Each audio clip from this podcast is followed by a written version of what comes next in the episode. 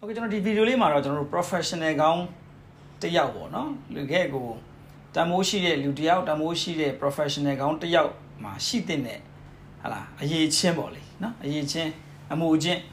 ကျွန်တော်ရှစ်ခုကိုကျွန်တော်ပြောပြသွားချင်တာဖြစ်ပါတယ်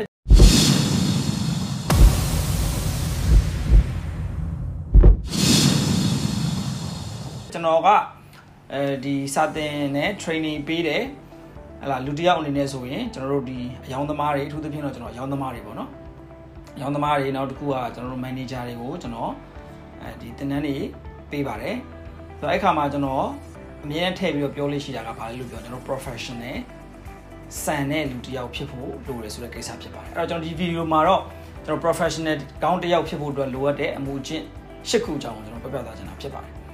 ကျွန်တော် professional တယောက်ဖြစ်ဖို့ကအရန်ရည်ကြီးပါတယ်။ဘာကြောင့်လဲလို့ပြောရင်ကျွန်တော်တို့ကလုပ်ငန်းခွင်တွေမှာအရန်ကို competition များလာတယ်ဟုတ်လား။အလုပ်သမားဆိုလည်းအလုပ်သမား market လျောက်ဈေးကွက်ဆိုလည်းဈေးကွက်အလျောက်မှာကျွန်တော်တို့ဒီ competition အရန်များလာတဲ့သဘောရှိပါတယ်။ဒီခါကျတော့ကျွန်တော်တို့ကလူတွေကကုန်ပစ္စည်းကိုပဲဖြစ်ဖြစ်ဟဲ့လားအယောင်သမားကိုပဲဖြစ်ဖြစ်လူကိုပဲဖြစ်ရွေးချယ်တဲ့အခါမှာဒီလူဒီဘယ်လောက်ထိ professional စံတယ်လဲဆိုတဲ့အချက်ပေါ်မှာမူတည်ပြီးတော့စဉ်းစားလာကြတာဖြစ်ပါတယ်အဲ့တော့ပထမဆုံးတစ်ခု professional တယောက်ဖြစ်ချင်တယ်ဆိုရင်နံပါတ်1ကတော့ကျွန်တော်တို့ကကိုယ်မှာရှိနေတဲ့ လက်ရှိရှိနေတဲ့အနေအထားကိုကိုယ့်ရဲ့အလုပ်ကိုကျွန်တော်တို့ဒီပျော်ရွှင်နေဖို့လိုတယ်။အမရောင်းနေဆိုရင်အဲ့အယောင်ချခြင်းအလုပ်ပေါ်မှာကျွန်တော်တို့ကပျော်ရွှင်နေဖို့လိုပါတယ်။အမကျွန်တော်တို့ကင်မရာမန်လုပ်လို့ဆိုရင်အဲ့ကင်မရာရိုက်နေရတဲ့အလုပ်ပေါ်မှာကျွန်တော်ပျော်ရွှင်နေဖို့လိုတယ်။အကိုယ့်ရဲ့အလုပ်ပေါ်မှာကိုဒီပျော်ရွှင်မှုအမြဲတမ်းရှိနေနိုင်အောင်စူးစမ်းဖို့လိုတာဖြစ်ပါတယ်။တေချာဖို့ကျွန်တော်တို့အလုပ်လုပ်တဲ့အခါမှာအခက်အခဲတွေရှိမယ်။အခက်အခဲတွေရှိမယ်ပြဿနာတွေကအများကြီးပဲကို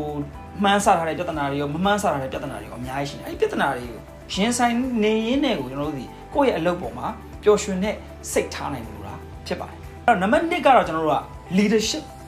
leader mindset ပေါ့နော်ကျွန်တော်ခေါင်းဆောင်ခေါင်းခေါင်းဆောင်တယောက်ရဲ့စိတ်ဓာတ်မျိုးမွေးဖို့လိုတယ်ကျွန်တော်တို့အမြဲတမ်းပြောပါတယ်လူတိုင်းကခေါင်းဆောင်ပါပဲလူလူတိုင်းကခေါင်းဆောင်ပါပဲအကယ်ခေါင်းဆောင်မှုစိတ်ဓာတ်ရှိပြီဆိုရင်လူတိုင်းကခေါင်းဆောင်လို့ကျွန်တော်တို့ကပြောလို့ရတယ်ဒီနေရာမှာကျွန်တော်တို့ကခေါင်းဆောင်တယောက်ပုံစံမျိုးနေရမယ်ဆိုတာကကြတော့ဘာလဲလို့ပြောရင်အလုပ်လုပ်တဲ့အခါမှာကိုကိုယ်တိုင်တစ်ခုခုဆိုရင်ဥဆောင်တတ်တဲ့စိတ် ဥဆောင်တတ်တဲ့ပုံစံမျိုးကျွန်တော်တို့ရှိနေလို့လေကိုယ့်ရဲ့ customer နဲ့အလုပ်လုပ်နေတဲ့အချိန်မှာတော့ကျွန်တော်တို့ဒီခေါင်းဆောင်တစ်ယောက်ရဲ့ပုံစံမျိုးနဲ့ကိုယ့်ရဲ့ customer ကိုဥဆောင်သွားတဲ့ပုံစံမျိုးကျွန်တော်တို့ကလုပ်နိုင်အောင်ကြိုးစားမှာဖြစ်ပါတယ်တတိယတစ်ချက်ကတော့ကျွန်တော်တို့ခေါင်းဆောင်ဆိုတော့ ਨੇ တွဲပါလာတဲ့နောက်တစ်ချက်လို့ကျွန်တော်ပြောလို့ရပါအဲ့ဒါကတော့ accountability ပါဒီနေရာမှာကျွန်တော် responsibility တို့ accountability တို့တစ်ခုလုံးကိုကျွန်တော်တို့ပေါင်းပြီးတော့ကျွန်တော်ပြောချင်ပါတယ်ဒီနေရာမှာ accountability ဆိုတာကကြောင့်ကျွန်တော်တို့တာဝန်ခံမှု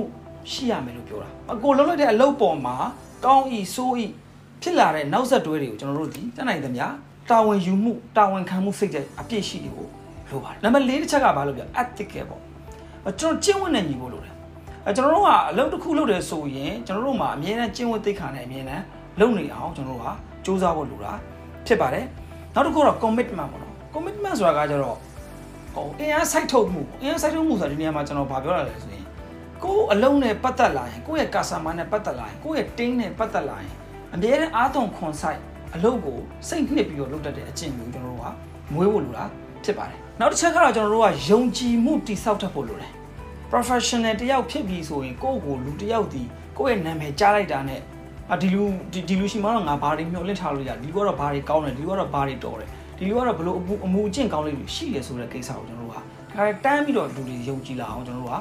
လှုပ်ထားဖို့လိုတာဖြစ်ပါတယ် နောက်တစ်ခုက dedicated dedicated ဆိုတာကကြတော့ကိုယ့်ရဲ့ profession တွေကိုကိုယ့်ရဲ့အလုပ်ကိုဟလာစိတ်နှစ်ပြီးလုပ်ဖို့လိုတယ်လို့ဖြစ်တယ်လို့ကိုယ့်ရဲ့အလုပ်ကိုစဉ်ဆက်မပြတ်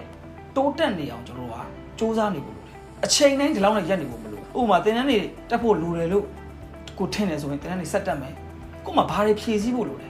ကိုက professional ဘာလို့ကိုယ့်ကိုခံယူထားတဲ့အလုပ်နဲ့ပတ်သက်ပြီးတော့ကို့မှာဘာတွေထပ်ပြီးတော့ဖြည့်ဆည်းဖို့လိုတာတွေရှိနေနိုင်တယ်အဲ့တော့အဲ့ဒီဟာတွေကျွန်တော်တို့ကဖြည့်ဆည်းဖို့လိုတာဖြစ်ပါတယ် အဲနောက်ဆုံးတစ်ချက်ကဘာလဲလို့ပြော positive attitude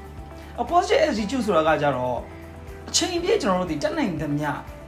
ကောင်းရကောင်းကျိုးဘက်ကနေစပြီးစဉ်းစားဖို့လိုတယ်ဒီညမှာကျွန်တော်အရာတိုင်းကိုအကောင်းဘက်ကနေလက်ခံလိုက်လို့ပြောတာမဟုတ်ပါဘူးဒါလေးကိုနားလည်မှုမလွဲစေချင်ပါဘူးကျွန်တော်တို့က positive attitude ဆိုတာကကြတော့လက်ရှိဖြစ်နေတဲ့ဖြစ်ရက်ကိုမှန်မှန်ကန်ကန်မြင်တတ်ပြီးတော့အဲ့ဒီကနေတဆင့်ဘာလေးတွေများကောင်းအောင်လုပ်လို့ရမလဲဆိုတဲ့အတွေးမျိုးကနေစတွေးတဲ့စိတ်နေစိတ်သဘောထားကိုကျွန်တော် ဆိုလိုတာဖြစ်ပါတယ်ကျွန်တော်တို့ရဲ့ channel ကို follow မလုပ်ရသေးဘူးဆိုရင် follow လုပ်ထားဖို့ကျွန်တော်ကဟလာတိုက်တွန်းပါတယ်ကျွန်တော်တို့ YouTube channel ကိုကြည့်နေဆိုရင်လည်းကျွန်တော်တို့ YouTube channel ကို subscribe လုပ်ထားဖို့ notification ယူထားဖို့ကျွန်တော်က request လုပ်ပါတယ်အဲဒါကြောင့်မို့အခုကျွန်တော်တို့ပြောရတဲ့အချက်၈ချက်ကိုဖြည့်ဆည်းထားမယ်ဆိုရင်တော့ကိုယ့်ကိုယ်ကိုယုံကြည်မှုအပြည့်ရှိတယ် professional ကောင်းတစ်ယောက်ဖြစ်လာမှာဖြစ်ပါတယ်